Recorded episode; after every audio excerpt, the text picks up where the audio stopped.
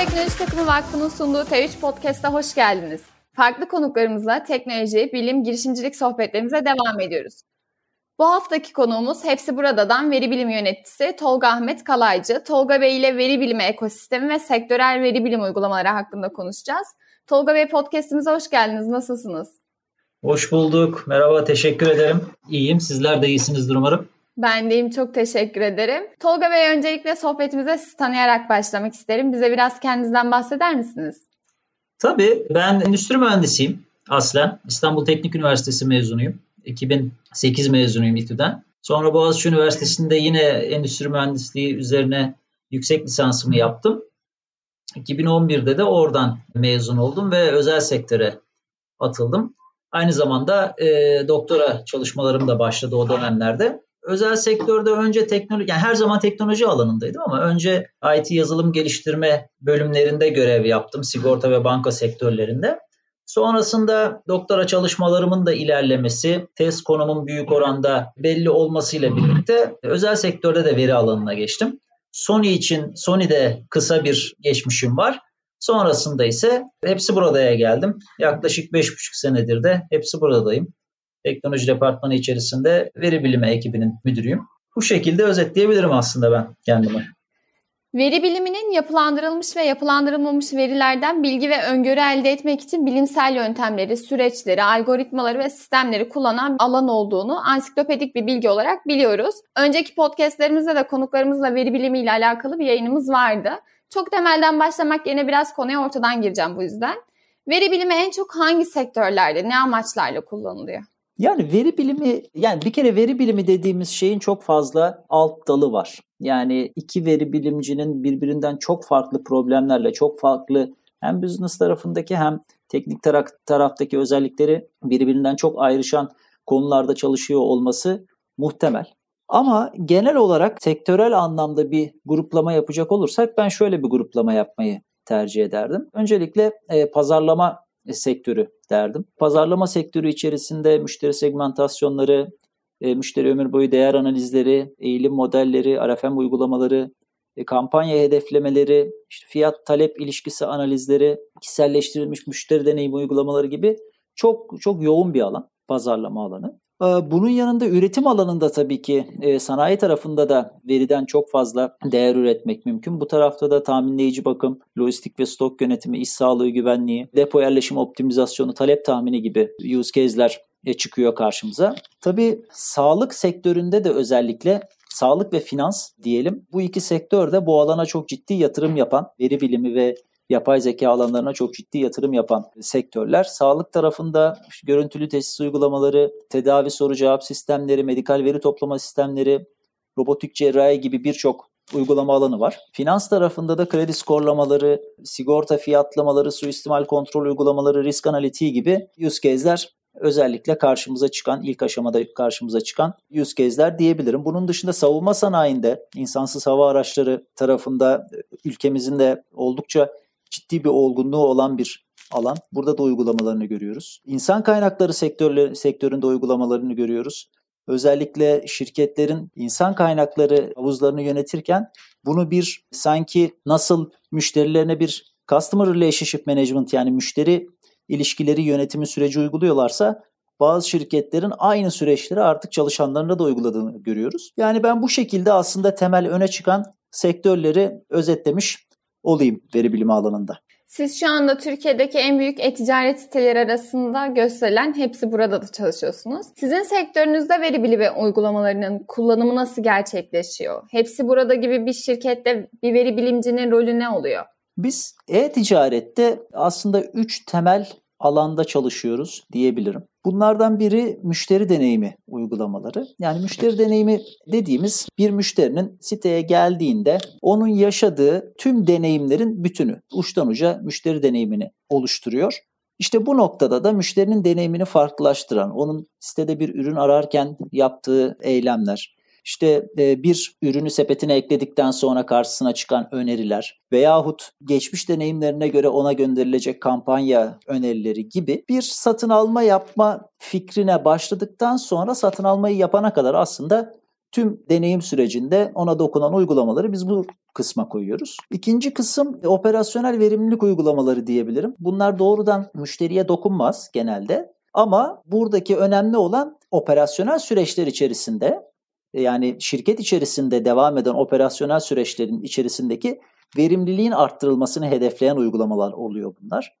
Dolaylı olarak müşteriye dokunabilir tabii ki. Sonuçta sizin bir talebi veya bir müşteriden gelen bir ticket'ın değerlendirilme sürecini kısaltmanız dolaylı olarak müşterinin hayatına dokunan çözümler beraberinde getiriyor. İkinci kısım da böyle. Üçüncü kısım ise stratejik karar destek uygulamaları diyebilirim. Burada ise bankalarla ilişkiler olsun, fiyatlama çalışmaları olsun, bu tip alanlarda kampanya üretimi çalışmaları olsun. Bu tip alanlarda karar vericilere destek sağlamak adına ortaya koyduğumuz çalışmaları bu başlık altında topluyoruz.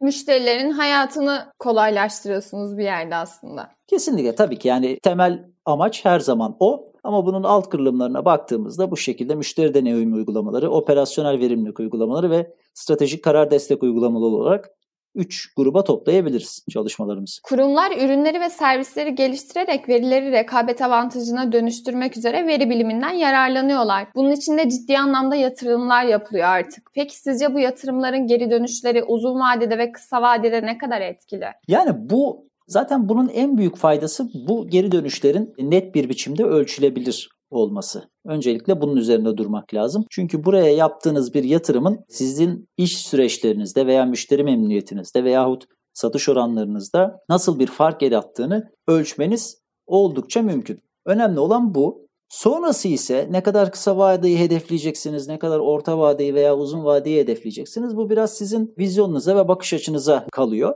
Bence bunları birbirinden ayrı düşünmemek lazım. Yani benim bu alandaki yatırımı uzun vadede geri dönüşünü bekliyorum demek veyahut yok ben sadece kısa vadede burada bir hedef elde etmeye çalışıyorum demek çok doğru bir yaklaşım değil. Kısa vadeli hedefler zaten hızlıca size geri dönüşünü gördüğünüz hedefler oluyor. Ancak bu çalışmaları siz kendi süreçleriniz içerisinde bir kültür haline yani sizin günlük iş yapış şeklinizin doğal bir parçası haline getirdiğinizde zaten kısa vadede de bunun faydasını görüyorsunuz. Orta vadede de görüyorsunuz. Uzun vadede de görüyorsunuz ki bunlar sadece aslında sizin ölçtüğünüz metriklerle değil sizin organizasyonunuzun içindeki veri odaklı çalışma kültürünün oturması ve olgunlaşması ile birlikte aslında tam olarak ölçülemeyen ama çok çok değerli bir kazanımda elde etmiş oluyorsunuz bu sayede. Yazılım sektörlerinin gelişmesiyle veri bilimi de çok popülerliği artan bir alan oldu. Gelecekte de çok daha etkin bir hal alacak diye düşünüyorum. Bu aralar gündemde çok büyük şirketlerin de geçiş yapmaya başladığı ayrı bir evren konusu var. Metaverse evreni. Son yayınımızda Mehmet Dursun İnce ile de değinmiştik biz bu konuya. Metaverse dünyasında veri bilimcilerin rolü ne olacak? Yani Metaverse konusu tabii ki şu anda çok yeni bir konu. Yani temelde aslında ben Metaverse denince benim aklıma gelen şey Metaverse'ün vizyonu nedir deyince daha doğrusu insanların fiziksel dünyada yapabildikleri her türlü aktiviteyi ve etkileşimi dijital dünyada da yapabilmesini anlıyorum ben. Yani böyle bu işi tanımladığınızda zaten şu anda hangi alanda siz veri bilimini nasıl kullanıyorsanız Metaverse içerisinde de aynı alanda aynı şekilde kullanacaksınız anlamına geliyor. Dolayısıyla farklı bir şey olmayacak gibi geliyor. Çünkü gerçekten olayın gitmeye çalıştığı yer fiziksel dünyanın bir kopyasını dijital ortamda oluşturmak. Ama biraz daha detaya girmek gerekirse tabii burada bir kere Metaverse dediğimiz platform birbirine bağlı onlarca, yüzlerce belki binlerce platformdan oluşan bir dünya olacak. Burada tabii ki bir altyapı, çok ciddi bir altyapı konusu söz konusu. Burada bu altyapının ihtiyaçlara karşılık vermesi, gerektiğinde ölçeklenebilir olması konusundan tutun. Bu metaverse içerisindeki oluşturulacak dijital içeriğin kendiliğinden oluşması veyahut sizin bir birey olarak metaverse'e dahil olurken sizin hakkınızdaki sizin fiziksel görünüşünüzden tutun daha önceki davranışlarınız, ilgili alanlarınızın otomatik olarak bu evren içerisinde loglanması ve sizin aslında bir dijital kimlik kartınızın oluşmasına kadar birçok uygulamasının olacağından olacağını ben düşünüyorum. Ama çok yeni bir kavram, çok vizyoner bir kavram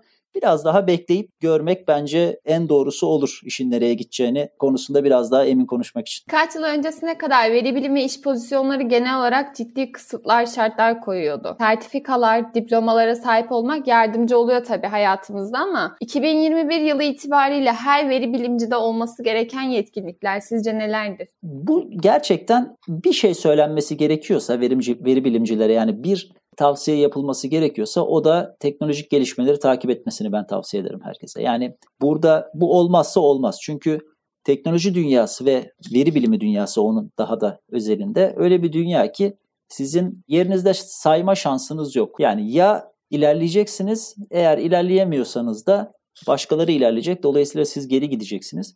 Bu yüzden kendilerini bir veri bilimcinin kendisini güncel tutma yeteneği bence en önemli yetenek. İkinci olarak da işin tabii ki veri yani dedim ya çok farklı veri bilimci tipleri var çalıştığı alanlara göre.